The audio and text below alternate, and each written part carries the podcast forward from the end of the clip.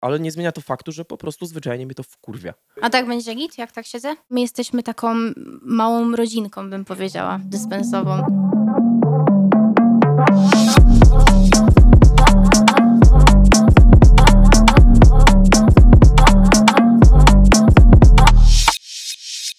Dobrze, czyli mówisz, że mierzysz wysoko.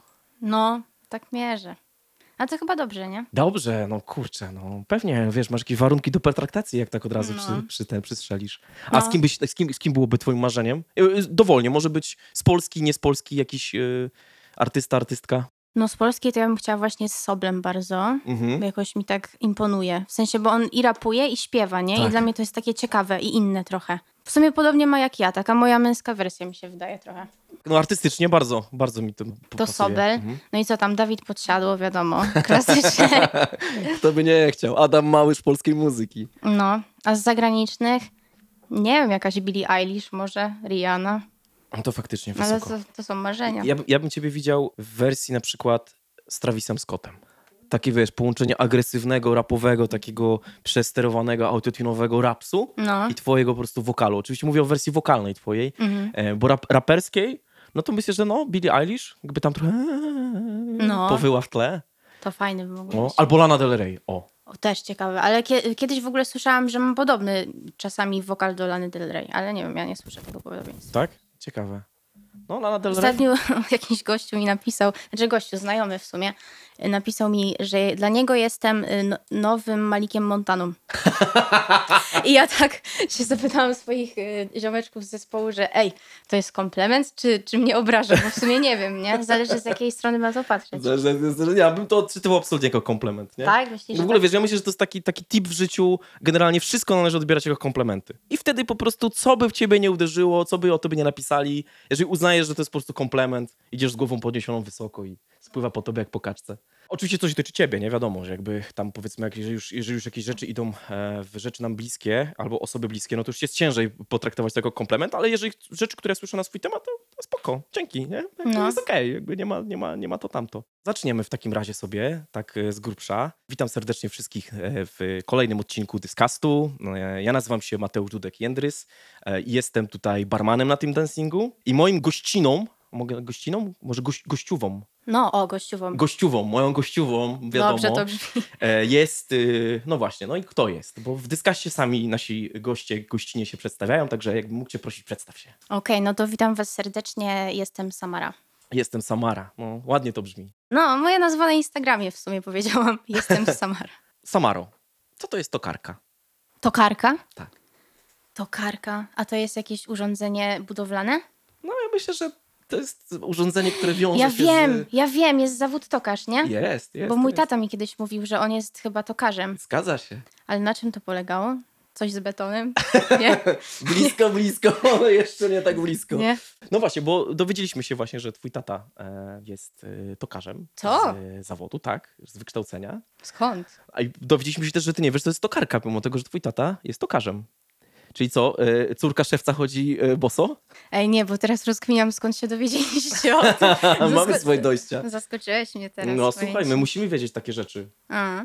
Nie, no to nie wiem, a co to jest? To powiedz mi, co to tak tokarka. Tokarka służy do tego, żeby toczyć. Na przykład można śrubki na niej robić, Mhm. można na niej różnego rodzaju mm, obróbka z krawaniem metalu. To jest głównie tokarka do tego służy. Aha, a jak to wygląda? Nakrętki.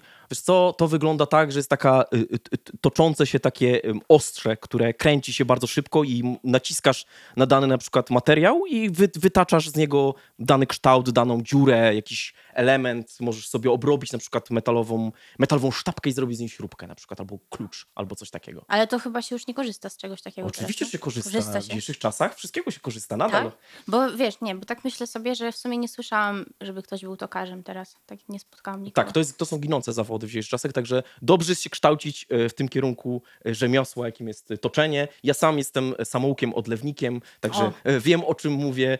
Natomiast ty, mogę o tobie powiedzieć, że jesteś samoukiem, mu, mu, Artystką może o, po no, prostu. No właśnie, artystką. Mhm. Tak, no, samoukiem jestem raczej. Ch- Chodziłam kiedyś na lekcję śpiewu, ale to były tam trzy, cztery spotkania, coś w tym stylu. I Mhm. to było, nie wiem, w podstawówce czy w gimnazjum. Pamiętam, że byłam wkurzona, że pan mi narzucał tam, że mam śpiewać Marylę Rodowicz, coś tam. Nie, ale fajne ćwiczenia tam były na, na przepony. Kładł mi taką skrzynię drewnianą i musiałam tak oddychać przeponą, żeby ta skrzynia się unosiła do góry. Wow. No, więc to ćwiczenie było fajne akurat. No ale jakoś zrezygnowałam z tego po czasie. I co potem było? Ja w ogóle śpiewałam bardzo dużo w domu i zamykałam się na kilka godzin w pokoju. I to, to była jakaś taka, nie wiem, rutyna, w taki trans jakiś dziwny wpadałam, jak się zamykałam w tym pokoju. Ściągałam sobie nielegalnie piosenki na ulub, chyba, tak? Ulub było kiedyś, no. Tak. To ściągałam tam wtedy sobie jakieś pioseneczki i, i śpiewałam do tego. Potem rodzice, pamiętam, że kupili mi y, karaoke na płycie jeszcze wtedy Okej. i śpiewałam te karaoke. No i tak, tak to się jakoś zaczynało. Czyli to tak do ciebie przyszło naturalnie, taka potrzeba No, bardzo. ekspresji wokalnej? Bardzo naturalnie. Nawet nie jestem w stanie wskazać takiego jednego jakiegoś momentu kluczowego, kiedy zaczęłam śpiewać albo że stwierdziłam, że to jest dla mnie. Mhm, mhm. Nie wiem, jakoś urodziłam się chyba z tym po prostu. No bo właśnie, a propos urodzenia, bo ty jesteś oryginalnie pochodzisz z Rypina, tak? Tak. Mm, To jest województwo kujawsko-pomorskie? Tak. Tak? Okej, Mhm. okej. I co tam ciekawego w Rypinie, e, co działo się w twoim życiu w Rypinie? Jak, jakie masz wspomnienia z tego miejsca? W większości pozytywne myślę. To są głównie wspomnienia ze szkołą związane z liceum, z Mhm. podstawówką, z gimnazjum i tak dalej. Bo tam chodziłaś do szkół, tak? Tak, tak, Mhm. tak, tak. No moje wspomnienia to są głównie znajomi. Osoby, z którymi do tej pory mam w sumie kontakt taki Mhm. bardzo bliski. I, I to są dla mnie najbardziej wartościowe takie znajomości, właśnie te, które wyniosłam ze szkoły. A tak poza szkołą, kurczę, no niewiele się działo. Fajne, fajne zabytki są w Rypinie. Opowiedz nam trochę o tym mieście. O, mamy w Rypinie największy witraż w Europie, no w kościele. O, o, no widzisz, tego nie wiedziałem nawet, że jest coś takiego. A widzisz, bo to mało kto wie. Mało kto wie. Czyli jest po co jechać do Rypina, nie tylko żeby zobaczyć, gdzie urodziła się Natalia Mikołajska, e, tudzież Samara, ale też, żeby zobaczyć, e, gdzie jest największy witraż w Europie. Tak, no. Bar- Jej, no widzisz, robi, człowiek- robi wrażenie. Cudze chwalicia swego nie znacie. No to widać, że Rypin jest ciekawą miejscowością, ale też wiem z pewnych źródeł, Mhm. że ty nie tylko masz artystyczną duszę, ale ty masz po prostu łeb jak sklep. Dlatego, że ty i drodzy słuchacze, to będzie ciekawostka, Mhm. kończyłaś, yy, chodziłaś może w ten sposób powiem, do klasy matematyczno-fizycznej. O nie. O nie. Jak to się stało? Słuchaj, ja miałem dwóje z matmy i czwórkę z fizyki tylko dlatego, że pani profesor mm, po prostu lubiła moje poczucie humoru i A. chyba się jej podobałem. I dlatego Nadrabiałeś Mi, nadrabiałem poczuciem humoru. poczuciem humoru, jak brałem je do odpowiedzi do tablicy, to opowiadałem śmieszne żarty, ona się śmiała i Aha. wstawiała mi dobre oceny. E, natomiast w twoim wypadku ja słyszałem mało tego, że ty chodziłaś do szkoły matematyczno, do klasy, przepraszam, tak, matematyczno-fizycznej. liceum. ty jeszcze miałaś same piątki. Powiem ci, że nie wiem, jak to się wydarzyło, ale ja chyba mam po prostu coś takiego, że jak wiem, że się muszę do czegoś przyłożyć, to usiądę i będę siedziała nad tym 5 godzin albo nie wiem, cały dzień, Mhm. bez przerwy, aż mi się uda to zrobić. Taka moja upartość chyba wychodzi przy tym. Ale z tą matmą, bo zapytałeś, jak to się wydarzyło, że Tak. na tym matwizie byłam. To chyba był przypadek po prostu, bo teraz jestem na studiach i jakby one w ogóle nie są związane z matmą ani z fizyką. A co studiujesz, jeśli wolno spytać? Psychologię społeczną. No to faktycznie. No, to w ogóle nie, jakby Mhm. nie Ale chyba logikę masz na studiach, nie? Miałam logikę. Miałaś. No to już to- zaliczyłam już za mną. Ojej, ojej, gratuluję ci serdecznie. Ja w swojej długiej edukacji, długiej i pełnej wybojów i, i tylko wybojów, miałem logikę i niestety poległem na niej. Ale idźmy chronologicznie, czyli jest Rypin, przychodzisz na świat, śpiewasz sobie w pokoju Mhm. i co dalej? Jakie były twoje na przykład pierwsze Występy? inspiracje muzyczne? A, tak? inspiracje, tak, okej. tak, tak. A potem przejdziemy do tego. O, to będzie ciekawe, bo y, moją taką chyba największą inspiracją wtedy, na samym początku... Ewa Farna. Tak. Byłam farnocholiczką, wtedy to, to się tak nazywało i miałam nawet czapkę chyba, ale nie pamiętam, czy ta czapka była z napisem farnocholiczka, czy to był znak tytułu płyty. Już nie pamiętam, Mhm. jak to było dokładnie, ale Ewa Farna, no. Śledziłam wszystkie występy na jakimś Opolu, Sopocie i tak dalej. Śpiewałam jej piosenki. Po polsku czy- i po czesku, czy tylko po polsku? Nie no, tylko po polsku. Ale tych po czesku też słuchałam.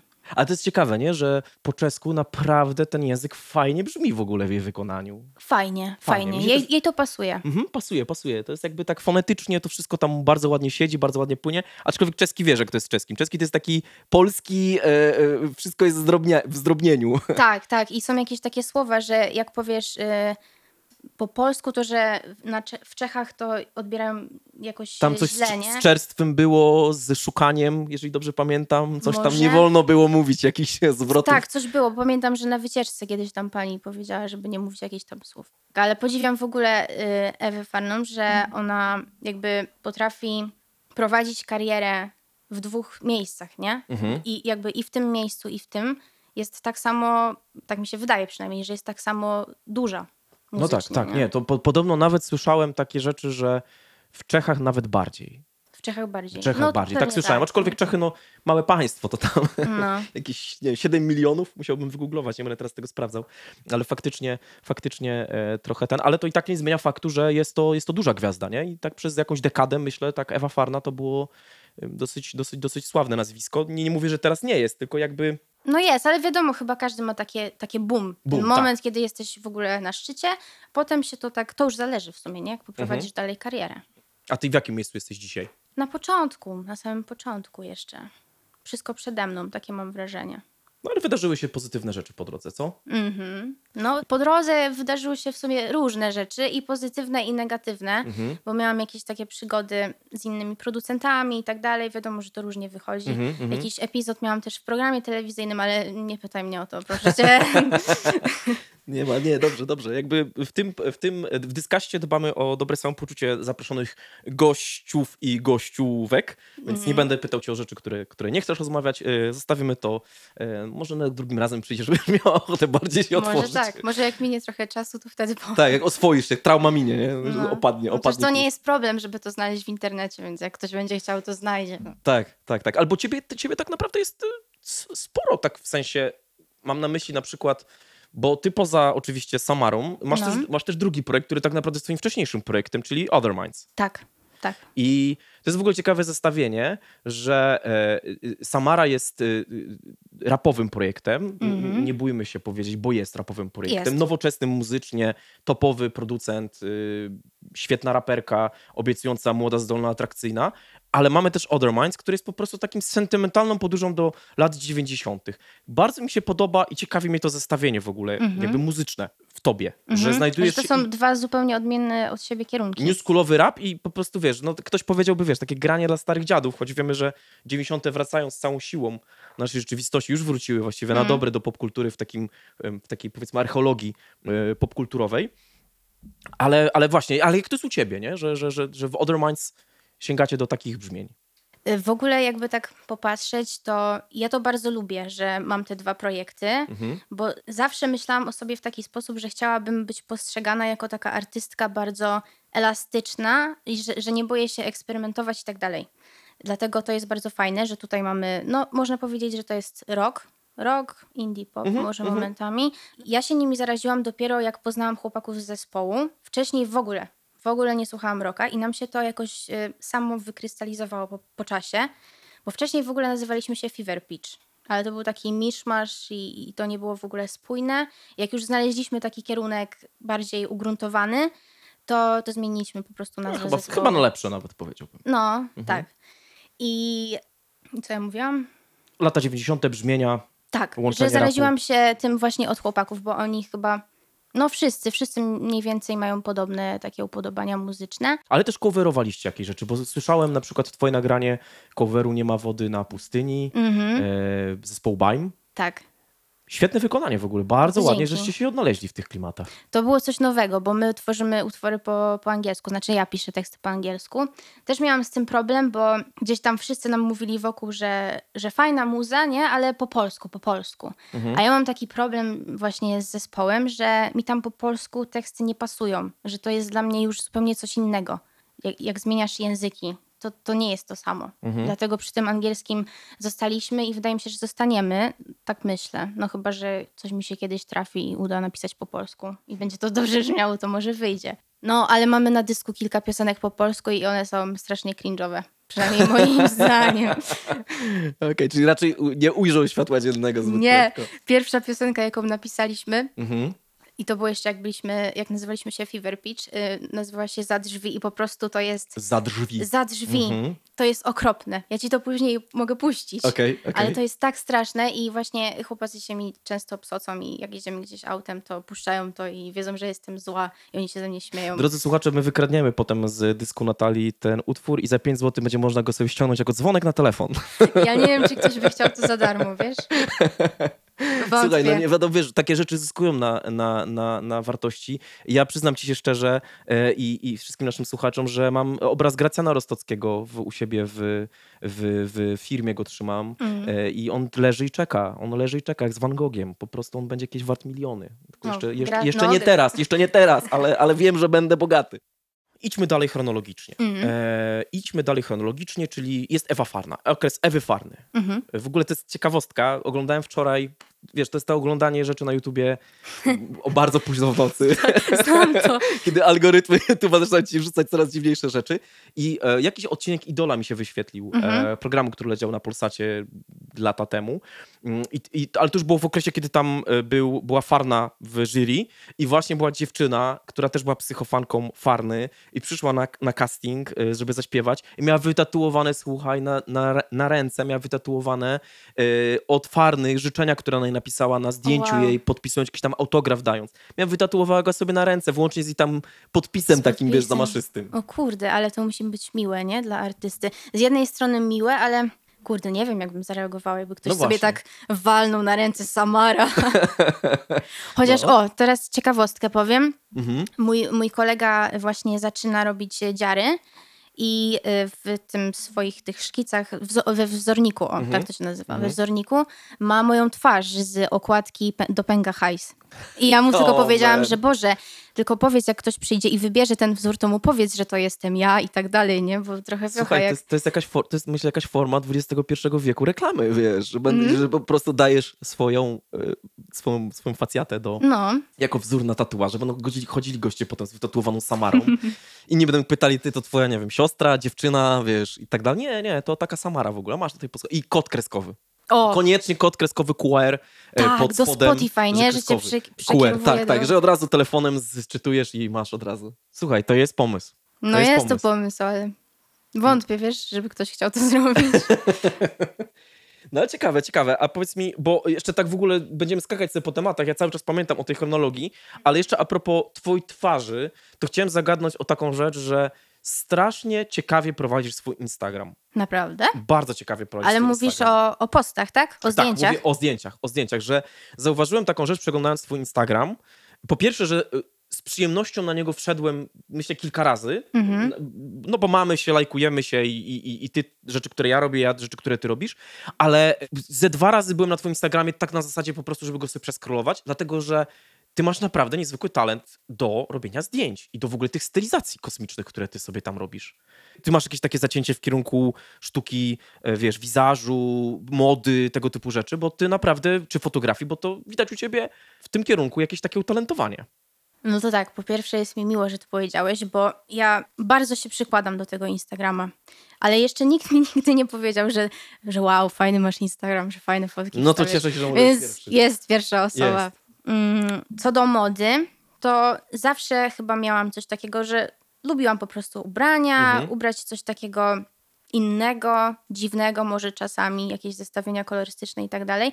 Nie interesuję się modą od takiej strony jakiejś y, teoretycznej bardziej, w sensie nie znam topowych projektantów, wiesz, nie interesuję się w, tym, w ten sposób tym, ale na przykład y, mam taką zajawkę, że lubię chodzić po lumpeksach i, i znajdować takie perełki. Mhm. No pewnie. Albo na Vinted. O, jest taka aplikacja, nie wiem, czy znasz? Znam, oczywiście. No, no na Vinted też bardzo lubię tam sobie szukać. Czasami godzinami po prostu siedzę i scrolluję i szukam jakichś perełek fajnych. To jest świetne miejsce do szukania e, freaky fashion do teledysków. Win. O tak, zdecydowanie, no. Dlatego właśnie ostatnio też przeglądałam pod tym kątem już, żeby na następne klipy coś tak, wiesz... Niedrogo. Fajne, no, niedrogo, ale stylowo, tak, wiadomo. To prawda, to prawda. Yy, tak, a z fotografią, kiedyś byłam bardziej zajarana fotografią. Miałam nawet jakąś wystawę, kurde, w szkole. Wow. No, ale to były zdjęcia roślin chyba, czy coś takiego. A nie wiem, to nie było nic specjalnego, ale chcieli to na wystawę, no to się cieszyłam. Nie? Nie, no Byłam jasne. w gazecie później rypińskiej, także fajnie. No Okej, no to już miałeś jakieś pierwsze, pierwsze wrzutki medialne. Tak, no, debiut. Debiut medialny, okej. Nie, okej. pierwszy raz w gazecie to Mhm. byłam już w przedszkolu, jak zrobili y, mi zdjęcie na balu karnawałowym. Proszę cię. I za co byłaś przebrana? Za księżniczkę. no, no tak, za coś innego. To jest braga po prostu. To jest braga. to mi się przypomina, mi się, e, teraz pomyślałem od razu, bo rozmawiamy o teledyskach, że może, może od razu może być teledysk taki nakręciła w stroju księżniczki na przykład następny. Szczególnie biorąc pod uwagę, że tematyka twoich utworów jest taka, wiesz, mocno uliczna No. w stylu księżniczki. Dla kontrastu. Love, tak, dla kontrastu. Y, Courtney Love miała, kojarzysz Courtney Love? By, byłą dziewczynę y, y, Karta Cobaina. Tak, Notabene niektórzy kojarzę. sądzą, że to ona go zastrzeliła.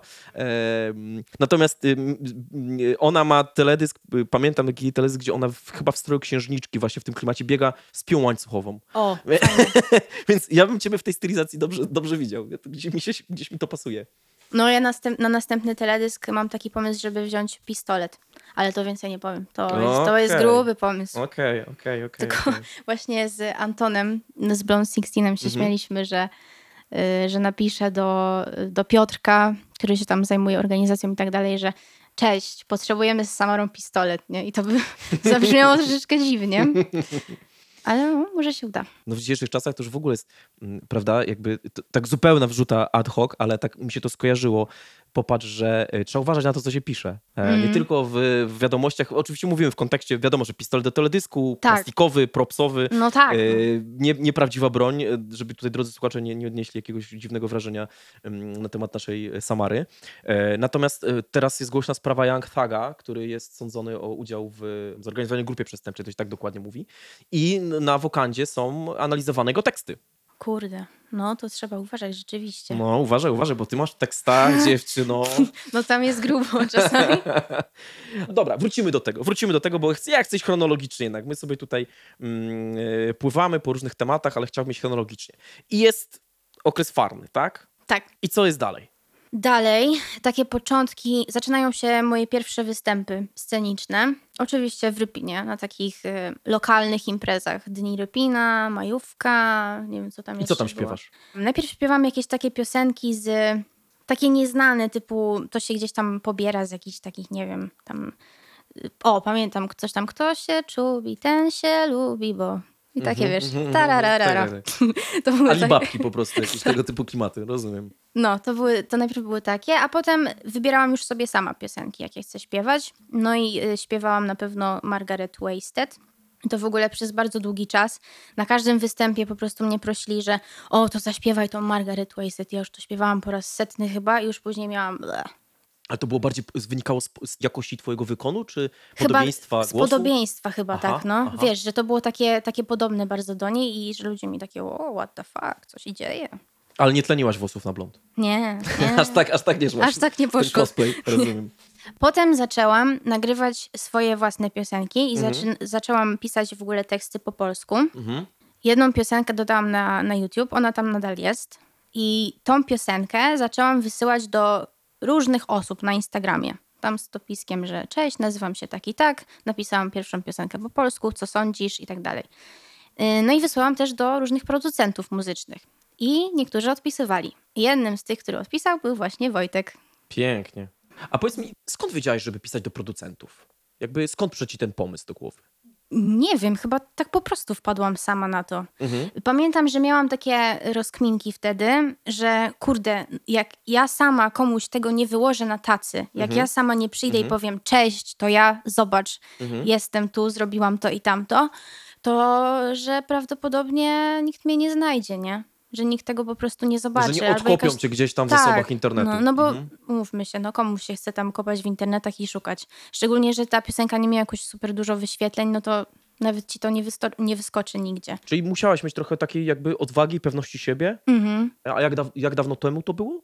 Ponad dwa lata temu Mhm. jakoś. Mhm. Mhm. 2020, no. Znaczy wciąż jesteś bardzo młodą osobą, ale jeszcze wtedy byłaś jeszcze młodszą osobą. To Tak. już w ogóle jakby ten taki godny podziwu, że, że, że miałaś tą siłę w sobie, żeby bezpośrednio pisać. Więc Tak, ta- ale odnośnie muzyki to, to zawsze miałam taką, taką siłę i takie samozaparcie, że, że dążyłam do tego celu. I to, to było zawsze tak. Bo z innymi rzeczami w życiu to tak różnie, nie? Ale z tą muzyką to zawsze. Mhm, mhm.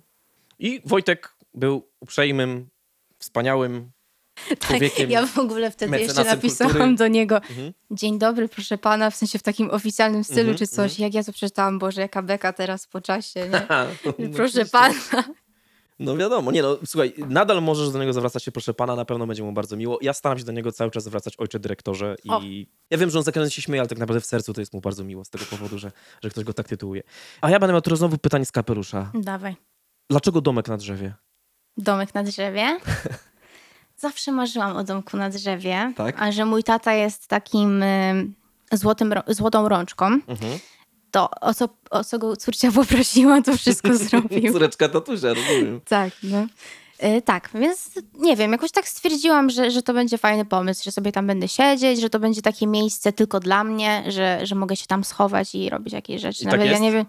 Teraz już nie, teraz już tam nie wchodzę, bo tam jakieś pająki w ogóle czy coś, nie wiem. Tu może posprzątać trzeba. No może tak, ale to musiałabym częściej przyjeżdżać do Rypina może. A, no tak, bo teraz w Warszawie. Tak, znaczy staram się przyjeżdżać do Rypina tak co dwa tygodnie. Mhm. To i tak jest chyba dość często, mi się wydaje.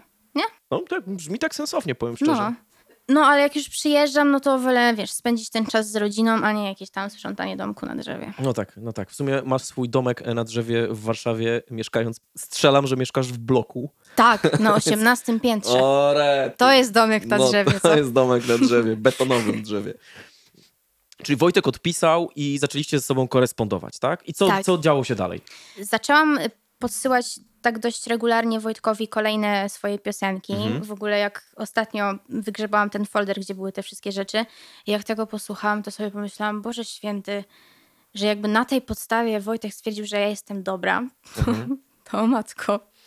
Ale to chyba tak jest, że nie da się swojej twórczości ocenić obiektywnie, nie? To zawsze będzie subiektywne. I co? I potem było pierwsze spotkanie w studio. Pierwsze spotkanie to była taka rozmowa, żeby mnie poznać stre- bliżej. a stresowałaś się? Przepraszam. Tą że- rozmową? Tak, tak, tak. Bardzo się stresowałam. Nie wiem, czy było widać, Mhm, ale się stresowałam, pamiętam. mhm. Tata na mnie czekał w ogóle w samochodzie wtedy przez cały... No to, to w sumie nie wiem, z godzinę może potrwała ta rozmowa, Mhm, to długo nie siedział, ale pamiętam, że czekał na mnie. A później, później to już chyba poszło tak z górki. Były te pierwsze wyjazdy do Lubrzy, do studia. Mhm. I najpierw to były nagrywki z Jerzykiem, Mhm. jak nagrywał swoją płytę. Później byłam sama, później chyba znowu jest z Jerzykiem. Nie wiem, już się pogubiłam, ile Mhm, to razy mhm, było. mhm. No i tak, tak Ale to też specyficzny, bo wiem, e, że wy mieliście bardzo specyficzny taki autorski Wojtka, tak, tak, tak podejrzewam, strzelam, że autorski Wojtka sposób pracy, że raczej tam Wojtek, na bieżąco komponowaliście muzykę razem z, z, z, z wokalem, nie? Że to tak szło Tak. od razu jakby jednym torem. Nie, nie, że podkład i ty do tego śpiewasz, czy ty śpiewasz, no to podkład chyba tak w ogóle się nie robi. Z czego? No, tak, chyba tak się nie da.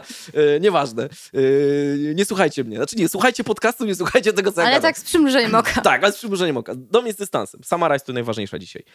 A jak w ogóle ty się znalazłaś się w tym, tym sposobie pracy z Wojtkiem? Mm, bo mówisz teraz o Lubrzy, tak? Tak, tak, o Lubrzy konkretnie. Już jak zaczęliście nagrywać. Mhm. Pierwsze takie moje odczucia te, tego systemu pracy były bardzo pozytywne, bo ja chyba lubię też działać podobnie tak jak Wojtek, bo Wojtek nie czeka, robi po prostu wszystko szybko, jakby krok po kroku, mm, nie ma jakoś dużo przerw, nie ma takiego mm, przeciągania tego procesu, bo to wiadomo różnie, nie? Każdy ma inne podejście, a ja też jestem taka, że konkretnie, nie? Że robimy to i się tak y, spinamy i tak dalej. Więc to dla mnie ten system pracy był bardzo fajny, sprzyjający na pewno i ciekawy. Ja pamiętam, byłem tam raz z wami, z Tak. wami w Lubrzy. No właśnie, bo I, byliśmy. I, I taka moja cie- ciekawostka, cie- ciekawa obserwacja na twój temat. Nie wiem, czy tak jest. Mm. Nie wiem, czy masz tak, tak tylko, kiedy współpracujesz z znanymi producentami i bardzo uzdolnionymi em, przyszłymi gwiazdami mm, podcastów w Polsce, ale ty w ogóle nie marudzisz. Ty na nic w żadnym momencie nie narzekałaś. To prawda, to prawda. Ale to chyba wynika z tego, że ja w studio mogłabym przesiedzieć cały dzień, od rana do wieczora, bez przerwy. Po prostu dla mnie to jest raj. Ja się czuję, jakbym była no w domu, po prostu w domu. Wow. Mnie to w ogóle nie męczy, to ze mnie nie wysysa w ogóle energii. A to jest też dziwne, bo ja należę do tych osób, dla których przebywanie z ludźmi, bo może od, od innej strony, jakby są dwa typy ludzi, nie? Niektórzy mają tak, że ludzie inni dają energię do działania, a ten drugi typ jest taki, że ludzie wysysają z ciebie tą To chyba energię. mówi się introwertycy, ekstrawertycy. No nie? tak, można to tak powiedzieć. No to ja raczej jestem z tych, którzy, in- no introwertyczna bardziej jestem. mhm. Y, No tak, a jak siedzieliśmy w studio, no to jednak byli ci ludzie, nie? To nie jest tak, że jestem sobie sama. I to jest właśnie dziwne, trochę. Ale fajnie, no. A ty masz, e, kontynuując ten wątek, właśnie takiego bycia zamknię, zamkniętą w otoczeniu różnych ludzi w jednym miejscu, Mhm. którzy wszyscy są skupieni na tobie. Wiadomo, że tam Urbański też tam zbiera, no, przyzwyczajony. No ale ty, młoda, aspirująca artystka, wszyscy jakby komentują to, co ty robisz. Wszyscy są na tobie skupieni. Wchodzisz do mm, kabiny, nagrywasz wokal, wszyscy oceniają, wszyscy słuchają.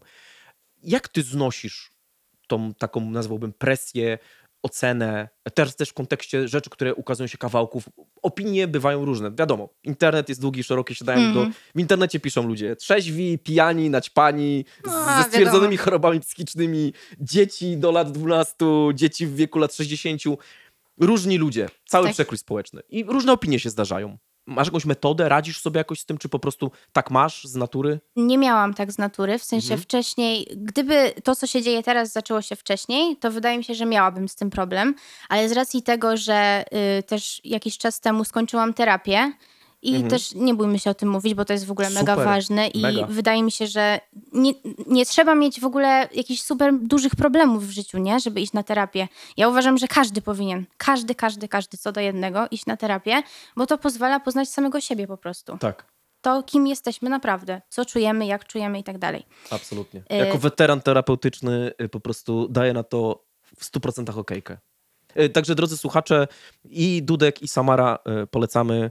Idźcie na terapię. Naprawdę warto, warto rozmawiać i warto y, być wysłuchanym. O. To prawda. No i też wiadomo, że obca osoba, znaczy łatwiej nam jest czasami wygadać się obcej osobie niż bliskiej, nawet tej najbliższej, nie?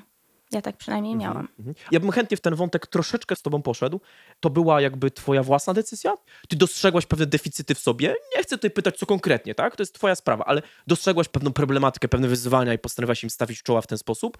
Czy, czy, czy jak to u ciebie wyglądało? To była moja decyzja w 100%. Ja nawet na początku nie mówiłam nikomu o tym. Po prostu się zapisałam, po prostu chodziłam. W ogóle to było online jeszcze, nie? Więc y, może trochę inaczej. Słyszałam też od innych osób, że a, że terapia online to tak średnio, ale szczerze mówiąc dla mnie było spoko. Dla mnie było to spoko rozwiązanie. A zdecydowałam się na tą terapię, bo wewnętrznie poczułam, że jest mi to po prostu potrzebne. Miałam jakieś takie zgrzyty wewnętrzne, nie wiem jak to inaczej nazwać, że w niektórych sytuacjach nie rozumiałam siebie. Na przykład nie rozumiałam, dlaczego reaguję w taki sposób, albo nie wiedziałam, jak ja się czuję. Nie umiałam tego nazwać. I stwierdziłam, że terapia to jest dobre rozwiązanie po prostu. I na tej terapii właśnie nauczyłam się tego. Dzisiaj widzisz ten progres wynikający Tak. z, z, z tej decyzji? Oj, zdecydowanie, zdecydowanie. Właśnie też w kontekście tego, o czym mówiliśmy przed chwilą, czyli y, tej presji, że Tak. są ludzie wokół mnie, a że ja jestem w centrum. No to ja już nie odczuwam tego jako, jako presję w ogóle. Przynajmniej w tym kontekście muzycznym. Nie wiem, jak stoję na scenie, no bo już jakieś tam koncer- koncerty grałam, gram i tak dalej, to nie czuję się zestresowana, nie czuję w sobie takiego lęku, że nie wiem, że chcę w ogóle uciekać czy coś. Ale to chyba, nie wiem, może to wynika z tego, że jestem pewna siebie akurat w tej dziedzinie, że jestem pewna tego, że robię to dobrze. No, to- Może z tego to wynika. nie? 100% agree. No. Robisz to dobrze. Robisz to dobrze. Dzięki. Ważne rzeczy powiedziałaś. Dziękuję w imieniu swoim i wszystkich osób, które gdzieś tam siedzą w szafie i zastanawiają się y, nad pójściem na terapię, nad tym, czy, czy warto, czy nie warto. No Oj, to jesteś warto, żywym warto. przykładem, że warto. Warto, warto. Czyli tutaj jakby dla ciebie nie było problemem. Współpraca w ogóle, ta cała sytuacja, stres, jakby to Nie, odeszło. zupełnie A nie. powiedz mi tak, tak mnie zawsze ciekawi, a co było największym zaskoczeniem we współpracy z, z, Z Wojtkiem? Wojtkiem i, i w ogóle z dyspensą, wejściem w ten świat muzyki? Jakby co było najbardziej pozytywnym zaskoczeniem? Bo o negatywach show biznesu jakby wszyscy możemy długo rozmawiać i na pewno fa- fa- warto jest o tym rozmawiać, bo to jest długi temat i ciekawy. Ale co było najbardziej pozytywnym zaskoczeniem? Chyba takim najbardziej pozytywnym dla mnie było to, że jakby robienie muzyki, kreowanie tego, kim jest Samara i tak dalej, to wszystko, te, te otoczka wokół, to jest jedno, ale drugie to jest to, że i Wojtek i cała ekipa Dyspensy to są bardzo dobrzy, życzliwi ludzie. I to było dla mnie trochę też za- zaskoczeniem takim pozytywnym, no bo wcześniej miałam trochę inne doświadczenia, nie? Z taką współpracą z producentem. I tutaj jestem naprawdę zaskoczona, bo my jesteśmy taką małą rodzinką, bym powiedziała, dyspensową. I to jest bardzo przyjemne. I ja wiem, że jak mam jakikolwiek problem, i to nie musi być tylko muzyczny problem, tylko taki nawet osobisty, to do kogokolwiek bym się zwróciła z, z ekipy dyspensy, to ja wiem, że uzyskam pomoc od nich. To nie jest tak, drodzy słuchacze, że ja teraz pod stołem em, podsunąłem e, Samarze s- 100 złotych. Dobra, Nie. 200. Niech będzie 500 nawet. E, Są, w ogóle widziałaś banknot 500 złotych? Miałaś w rękach kiedyś banknot 500 Nie, złotych? nie. Wyobraź sobie, że ja miałem. Powiem ci, Kurde. Naprawdę robi wrażenie. Naprawdę stoisz i trzymasz 500 zł i patrzysz na nie w dzisiejszych czasach i wiesz już, że ten banknot to wcale nie jest 500 zł. To jest 500 zł minus inflacja. Oj tak. Kurde. Ale robi wrażenie.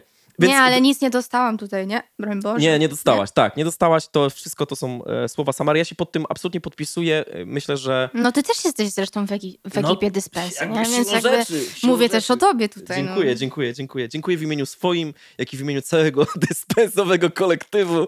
E, Ściskając dłoń mi, ściskasz dłoń całej naszej. Dobra, e, żarty na bok. I dochodzimy do Samary. To jest ten moment. Dochodzimy do Samary, czyli to jest ta y, artystyczna wersja ciebie, z którą dzisiaj jakby wszyscy musimy się, y, chciałem powiedzieć, zmierzyć. Ale dobra, niech będzie, zmierzyć. tak? Zmierzyć, z, twoją, no. z twoją wizją, z twoimi obserwacjami, z twoją, swoim punktem widzenia. Moim światem. E, tak, twoim światem. No i właśnie o tym świecie chciałem troszeczkę z tobą porozmawiać. E, pierwsze pytanie banalne, ale ważne. Mhm. Prędzej czy później tak ktoś ci je zada. Czy już zadał nawet? Dlaczego Samara? Tą nazwę wymyślił Wojtek, Mhm. nie ja. Ja właściwie się go nie dopytywałam jakoś tak bardzo, skąd w ogóle mu przyszedł taki pomysł do głowy. Ja, później jedynie sobie robiłam taki research, nie? W stylu, Mhm. co, co się nazywa Samara, jakie są w ogóle skojarzenia z tym słowem. No i wiadomo, że Samarka, mhm, Mhm, wiadomo. mhm. Tak, tak, tak. Tam na Yy, przyprawy można nosić w Samarce. Na przykład, no. Samara Morgan jest z horroru. y, Samara to też jest miasto w Rosji. Samara też jest takie auto chyba, jakieś stare. Ja się średnio znam, ja się tak dobrze znam na e, autach, jak e, na wydawaniu e, milionów. Hmm. Także tak mm, słyszałem coś tam na ten temat i widziałem na YouTubie, ale nie, nie Okej. mam pojęcia. Dobra, no chyba jest, chyba jest. No i to tyle, ale wydaje mi się, że Samara brzmi tak bardzo wdzięcznie, bo brzmi jak imię po prostu. Tak, ja się prawda. w ogóle bardzo z tym zaczęłam utożsamiać, bo już też niektórzy zaczęli się do mnie zwracać Samara i tak jak na początku to było takie, co? O mnie, o to o mnie chodzi. Mhm. To już teraz tak mam to, że na luzie w ogóle. Nie mam jakiegoś takiego obruszenia, jak ktoś mówi do mnie Samara. O, osłuchałaś się z tym słowem. Bo No, no, obyłam tak się. naprawdę. To nie jest Dobrze, no, fajnie. No okej, czyli Samara jest projektem... Jakim jest projektem Samara? Opowiedz nam o Samarze. Myślę, że Samara jest y, dziewczyną bardzo prawdziwą i Samara jest y, dobrą obserwatorką, Mhm. jest też dobrym słuchaczem i chce, chce pokazać swój świat i swoje spostrzeżenie na świat. Mhm. Nie wiem, czy dobrze powiedziałam, czy jest to zrozumiałe. Ja Chyba myślę, tak. że, jest, że jest bardzo zrozumiałe, bo mm, muzycznie wszystko siedzi. Moim zdaniem tam to jakby bardzo dobrze wszystko płynie, wiadomo też dlaczego i wiadomo, twój ogromny talent wokalny, y, talent rytmiczny w połączeniu z mm, talentem e, urbańskiego, jakby doskonałe połączenie, świetna mieszanka, e, jak praktycznie lód, cola i whisky. Natomiast y, twoje teksty, ja myślę, że to jest bardzo mocny, mocna część całej twórczości i chciałem cię o te teksty zapytać, bo mm, mówisz obserwatorka, a opowiadasz jakby mocno, właśnie ja się zastanawiam, czy to jest autopsja, Mhm. y, którą dokonujesz w tekstach, czy to jest właśnie obserwacyjne, takie narracyjne, no bo tam jest strasznie dużo o narkotykach, strasznie dużo o nocnym miejskim życiu. I zastanawiam się, czy ty jesteś bardziej historią e, w stylu Euforia, jeżeli kojarzysz ten serial No tak, e, z. Zendają. Mhm. Ja myślę, że na pewno, ka- dzisiaj chyba każdy oglądał, e, bo to jest naprawdę warte obejrzenia. Jeżeli ktoś z was, drodzy słuchacze, jeszcze nie widział Euforii, to, to, to, to ja polecam. Samara też poleca, tak? Tak, Polecasz? polecam. Dobrze. Zdecydowanie. Czy, czy to jest bardziej, czy też bardziej historia trochę w stylu ślepnąc od świateł, czyli generalnie takiego y, y, pokazujesz brud, czy pokazujesz prawdę? Ja się zastanawiam, w którą stronę, w którą stronę gdzie ciebie zaklasyfikować. Mhm. Ja myślę, że pokazuje prawdę, czyli po- pokazuje to, jak ja widzę dane środowisko. Mhm. I większość tych nawiązań y, w w tekstach odnosi się do miejskiego życia w Warszawie Mhm. głównie, bo nie ukrywam, że jak przeprowadziłam się do Warszawy i zobaczyłam, jak wyglądają imprezy, jak wygląda te nocne życie, to byłam taka w szoku i taka zniesmaczona, nie? Mhm. W ogóle wszystkie używki, czy, czy niezależnie od tego, czy ja słyszę, że ktoś coś bierze, czy ja widzę to, to zawsze mam takie, że, że nie rozumiem trochę, nie? Mhm. Mhm. I tak mi jest, y, no właśnie nawet nie wiem, jak nazwać ten stan. takie, że mi jest trochę przykro nawet. Taki znak zapytania, o, może tak, nie wiadomo. Więc w tekstach to są bardziej obserwacje. Tak jakbym miała sobie wyobrazić imprezę, to ja jestem tą osobą, która stoi pod ścianą i nie uczestniczy w tym syfie, Mhm. tylko patrzy po prostu, nie? I koduje sobie w głowie to, co się tam dzieje. A z drugiej strony trochę wcie- wcieleniowe to jest, bo w tekstach jakby ja odnoszę wrażenie, że ta dziewczyna, która rapuje o tym wszystkim, Mhm. ona tam jest, ona bierze w tym udział, nie? Jakby ona jest, ona jest elementem tej, tej, tej kultury mm, imprezowej, takiej, takiej mm, też masz kawałek, tak, Penga Hajs, yy, Tak. gdzie, o, gdzie nawijasz o, tek, o, o, o pieniądzach. O pieniądzach, tak. To bardzo wprost, tak, że ty musisz zarobić, bo nikt nie da, tak? Jakby Nikt tu za mnie nie zarobi, Nikt tu za no. mnie nie zarobi, dokładnie. No trochę tak jest, że w tekstach uczestniczę w tym wszystkim. Kurczę, no to też zależy od interpretacji. Każdy może to, ty może tak to odebrałeś właśnie, Mhm. a dla mnie to jest też troszkę inaczej. Jakby uczestniczyłam w tym życiu imprezowym, powiedzmy tam e, gimnazjum myślę najbardziej, Mhm. liceum też, troszeczkę mniej, a teraz to w ogóle jestem taka trochę, że bardzo rzadko te imprezy. Mhm. Mhm. Czasami uda się mnie gdzieś wyciągnąć, ale to nigdy nie jest z mojej inicjatywy, nie? Nigdy to nie wygląda tak, że piszę do kogoś albo proponuję komuś, że ej, chodźmy dzisiaj na miasto. To myślę, że bliskie mi osoby były bardzo zaskoczone.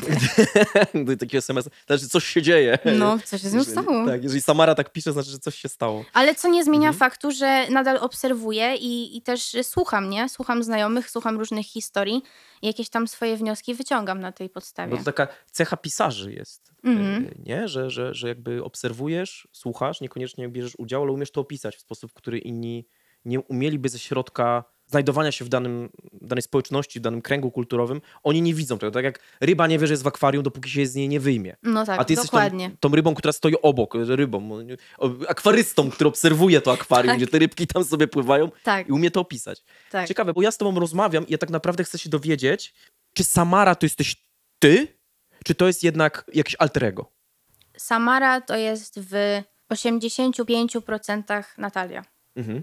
A ta reszta tych procent to są jakieś takie rzeczy, powiedzmy, przekoloryzowane może czasami, czasami gdzieś tam dopowiedziane. Ja myślę, Wiesz, że, ja myślę, że tak. Ja myślę, że stylistyka rapowa, w ogóle hip-hop jako Mhm. zjawisko kulturowe, on jakby akceptuje.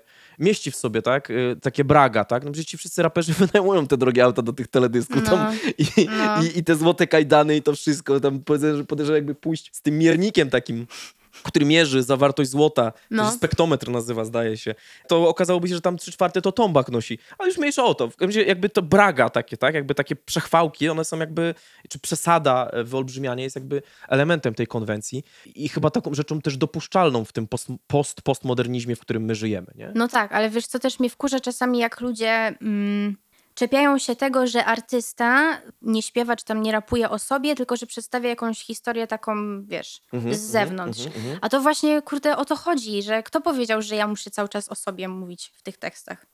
Nikt tego nie powiedział. Ja myślę, że to jakby, chyba nie? takie, takie twardogłowie jakieś takie bardziej, bardziej... No tak, no tak. Ludzie, którzy słuchali tych bardzo wczesnych rapów, gdzie trzeba było nawijać o tym, co się dzieje w moim życiu, że wtedy to był truskul, wtedy to było takie wartościowe, że mo- Mhm. fan, fantazjowanie, jakieś tego typu rzeczy, to raczej była taka domena innych gatunków muzycznych, no ale wiadomo, że dzisiaj ra- rap się zmienia, tak? Jakby jest zupełnie... No y, tak. Cały czas to jest, to jest pewien proces. Rap jest pewnym procesem.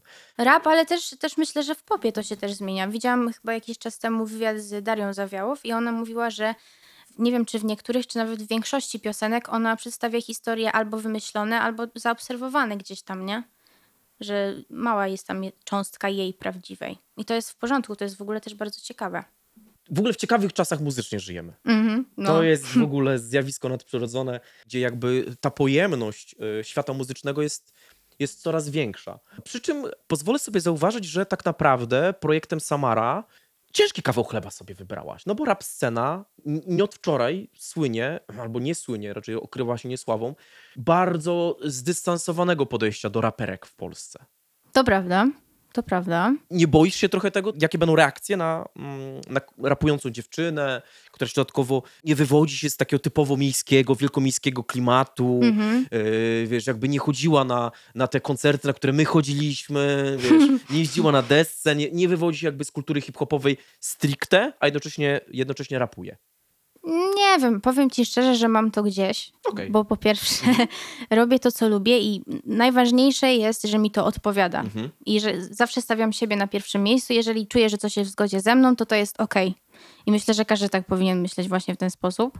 A rap w ogóle to, to jest też ciekawe, dlaczego ten rap właściwie, nie? I tak naprawdę, jak zaczęłam współpracować z Wojtkiem, to my robiliśmy różne rzeczy. To nie był od razu rap, tylko były bardziej popowe rzeczy, jakieś takie, nie wiem, różne, po prostu różne. I w pewnym momencie po prostu ten rap się pojawił i już tak został. Bo wydaje mi się, że nawet o tym nie rozmawialiśmy, nie? Ale to jest jakaś taka chemia muzyczna, że każdy z nas zrozumiał z osobna, że okej, to jest to i że to w to idziemy dalej. I tak zostało. I bardzo się cieszę, bo też y, potrzebowałam wtedy, nadal potrzebuję takiej zmiany właśnie muzycznej i takiego gatunku muzycznego, który pozwala mi mówić otwarcie o tym, co myślę. I też y, taki ze mnie wychodzi chyba bunt czasami, bo zawsze byłam w dzieciństwie, byłam taką grzeczną dziewczynką, Mhm. wiesz, tam wszyscy mówili, no Natalka taka grzeczna, cichutka. A teraz y, nie ukrywam, że zdarzały się takie sytuacje, że jak tam rodzinka moja usłyszała te piosenki, które wyszły, no to były różne, odmienne reakcje, nie? I też mam to gdzieś, no bo taka jestem i teraz jestem w takim miejscu, a nie innym. Dla mnie to brzmi bardzo, bardzo trzeźwo, że tak powiem. To dla mnie brzmi bardzo trzeźwo. E, Szczególnie, że rozmawiamy, nie mówiliśmy o tej pojemności jakby sceny i świata muzycznego, a z drugiej strony też jest tak, że konsekwencja zabija sztukę. Że być niekonsekwentnym jest fantastyczne tak naprawdę. No, Że z jednej strony śpiewałaś to, co śpiewałaś, z drugiej strony dzisiaj rapujesz, wiesz, zobaczymy, co będziesz robiła za rok, dwa lata, czy za dziesięć, tak? Jakby czego ci życzę oczywiście, kariery, która będzie trwała do śmierci. E, oby jak, najdłu- jak najdłuższą karierę, ty sam wydłużam twoje życie. E, e, natomiast życzę ci po prostu tego, żebyś, żebyś nie była konsekwentna w, w swojej sztuce, no bo to jest super, że, że dzisiaj robisz rap, jutro będziesz robić coś innego. no tak, jak mi się zachce, to zrobię sobie, nie wiem, jakąś muzykę country, jak mi się zachce, to y, nie wiem, operową. Kurde. Jak popek, y, z, z, będziesz rapować do tanga. Y, A powiedz mi, bo właśnie będąc cały czas przy Samarze, że poza oczywiście swoimi tekstami, piosenkami, które śpiewałaś y, czy rapowałaś jako Samara, miałaś też współpracę na swoim koncie. Mhm. Z Krzyżykiem i z Blond y, 16. 16, tak. Jak w ogóle się odnalazłaś w tym? No to tak, z Jerzykiem bardzo dobrze. To jest w ogóle bardzo ciekawa postać. Ja już mówiłam chyba gdzieś tam, a w Radio Campus jak byłam, to też mówiłam, że bardzo mi imponuje jego twórczość i w ogóle to, że jest takim artystą kompletnym. Zresztą mówiliśmy o tym przed tym, przed nagraniami. Bardzo na mnie zrobił pozytywne wrażenie. Też w ogóle sam fakt tego, że on maluje, nie?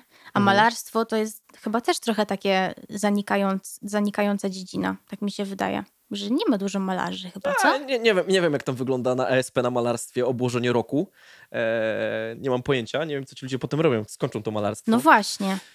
Nie wiem. No w każdym razie Trzeba tak. byłoby sprawdzić. Zresearchujemy to potem. Albo Jerzyk nam może powie. Dobrze. Może, Tak, wiesz, Jerzyku, jak słuchasz nas, to weź wyślij SMS-a, co z tymi malarzami, czy oni jeszcze żyją, czy... Potrzebni są czy nie? tak, czy niepotrzebni. Pokojowi na pewno, bo dzisiaj deweloperka dobrze idzie, ktoś to mieszkanie musi wykańczać, ale nie zmieniajmy tematu.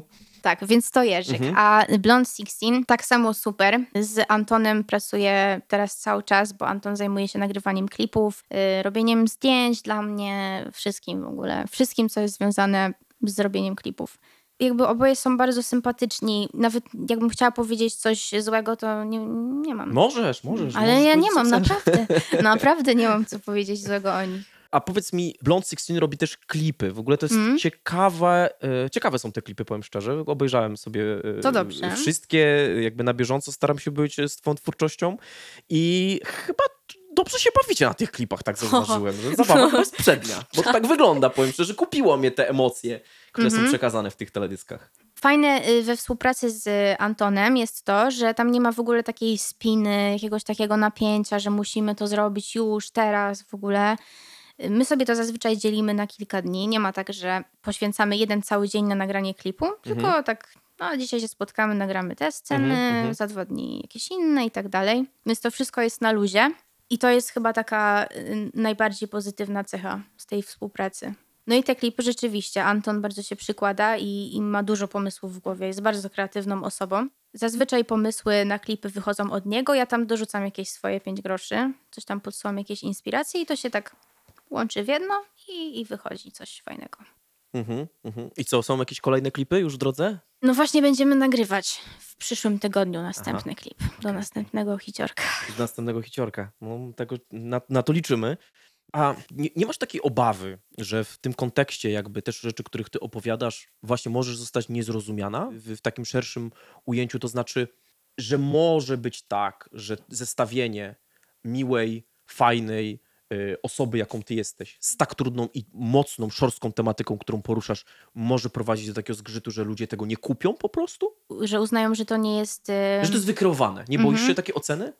No nie, bo to nie jest wykreowane. W sensie czasami jest tak, że artysta w muzyce pokazuje jakąś część siebie, której na co dzień nie uzewnętrznia, której ludzie nie widzą. Mhm. I tak jest chyba też w moim przypadku, że jakby zgadzam się, że na co dzień jestem taka, no taka no, normalna, miła, jakby pozytywna. No a w tych tekstach jest bardziej mrocznie, nie? I, I jest tego brudu trochę. No i to też jest jakaś część mnie. Czyli mam to rozumieć, że ty pokazujesz tak naprawdę swoją jakby perspektywę na pewne zagadnienia, o których na co dzień nie mówisz, nie rozmawiasz, bo nie masz do tego przestrzeni, a muzyka staje się do ciebie przestrzenią twojego dialogu na tematy, które gdzieś tam obserwujesz, oglądasz, tak jakby wspomnieliśmy euforię, ślepnąc od świateł, nocne życie i tutaj jakby ty znajdujesz to, to ujście dla tych tematów, nie chciałbym powiedzieć tabu, bo dzisiaj to chyba nie ma tematów tabu raczej w naszej rzeczywistości, ale gdzieś tam, gdzieś tam takich tematów trudnych, niełatwych, groźnych może w jakiś sposób. Tak, no to zgadzam się. Zgadzam się z tym wszystkim, co powiedziałeś, że muzyka jest właśnie tą przestrzenią, w której ja tą część siebie, której nie pokazuję ludziom wokół, pokazuję ją właśnie w muzyce. Mhm. Trochę skomplikowane, nie? Trochę skomplikowane, ale wiesz co, ja myślę, że, że to na tym polega, nie? że nie szukamy prostych odpowiedzi, bo myślę, że proste odpowiedzi nie są domeną koniecznie sztuki. Czasami właśnie proste odpowiedzi są, są najfajniejsze, ale nie zawsze są one wymagane. Nie zawsze na wszystko znajdziemy prostą odpowiedź, więc jakby mm, nie musimy wcale w tą stronę uciekać. Co jest największą siłą Samary? Bezpośredniość może, mm, autentyczność i elastyczność, bym powiedziała. No, to ładne na końcu. Tak, elastyczność, no. Myślę, że to słowo mi najbardziej chyba opisuje, właśnie ta elastyczność. Bo na to słowo składa się też to, że lubię eksperymentować z muzyką i też nigdy nie chciałabym się zamykać na jeden gatunek i nie zrobię tego na pewno. Teraz jest rap, a później zobaczymy. Zobaczymy, jak to wszystko mm, pójdzie i na co będę miała ochotę. Dobrze. Będziemy powoli dobijać do brzegu z naszą rozmową. Takie na koniec y, pytanie, czego ci nie życzyć? Nie życz mi kariery w Polsce, dlatego że chcę też robić karierę za granicą. No i bo doskonale. I ci właśnie tego nie życzę. Kariery tylko w Polsce. Nie życzę ci tylko No, kariery dobrze w to Polsce. wykminiłam, co? E, Bardzo dobrze, pięknie z tego wybrnęłaś. Bardzo Ci dziękuję za poświęcony czas e, w imieniu swoim, w imieniu słuchaczy. Bardzo miło było nam Ciebie gościć w studiu e, Dyskastu. Dziękuję za tą fantastyczną rozmowę. Życzę Tobie powodzenia w dalszym rozwoju kariery, kolejnych zajebistych kawałków. Rozwalaj scenę, rób swoją muzykę, niczym się nie przejmuj i wszystkie obelgi traktuj jako, jako komplementy. To tak na przyszłość. Drodzy słuchacze, ja dziękuję Wam za poświęcony czas. Dziękujemy Samarze. Ja też w bardzo długiej liście podziękowań, gdyż do tego podcastu dokłada swoje serce bardzo wielu ludzi. Oczywiście dziękuję mm, Mateuszowi, który jest wydawcą, i Antkowi, który jest naszym realizatorem. Dziękuję też y, Dyspensie za patronat. Wy tymczasem, y, no co mogą zrobić nasi słuchacze? Mogą Łapki w górę, subskrypcje, wiecie o co chodzi. Tak, dokładnie. Łapki w górę, subskrypcje. Dzwoneczek jeszcze, o. A, dzwoneczek, tak. To ważne Klikajcie chyba. dzwoneczek, ważne to są rzeczy. E, widać, że Samara wie o co chodzi. E, także dziękujemy Wam bardzo serdecznie. E, To był Dyskast, a ja e, nazywam się Dudek i byłem Waszym e, gospodarzem, wodzirejem, konferencjerem, pytającym, prowadzącym. No, to już. Komik, komikiem. komikiem.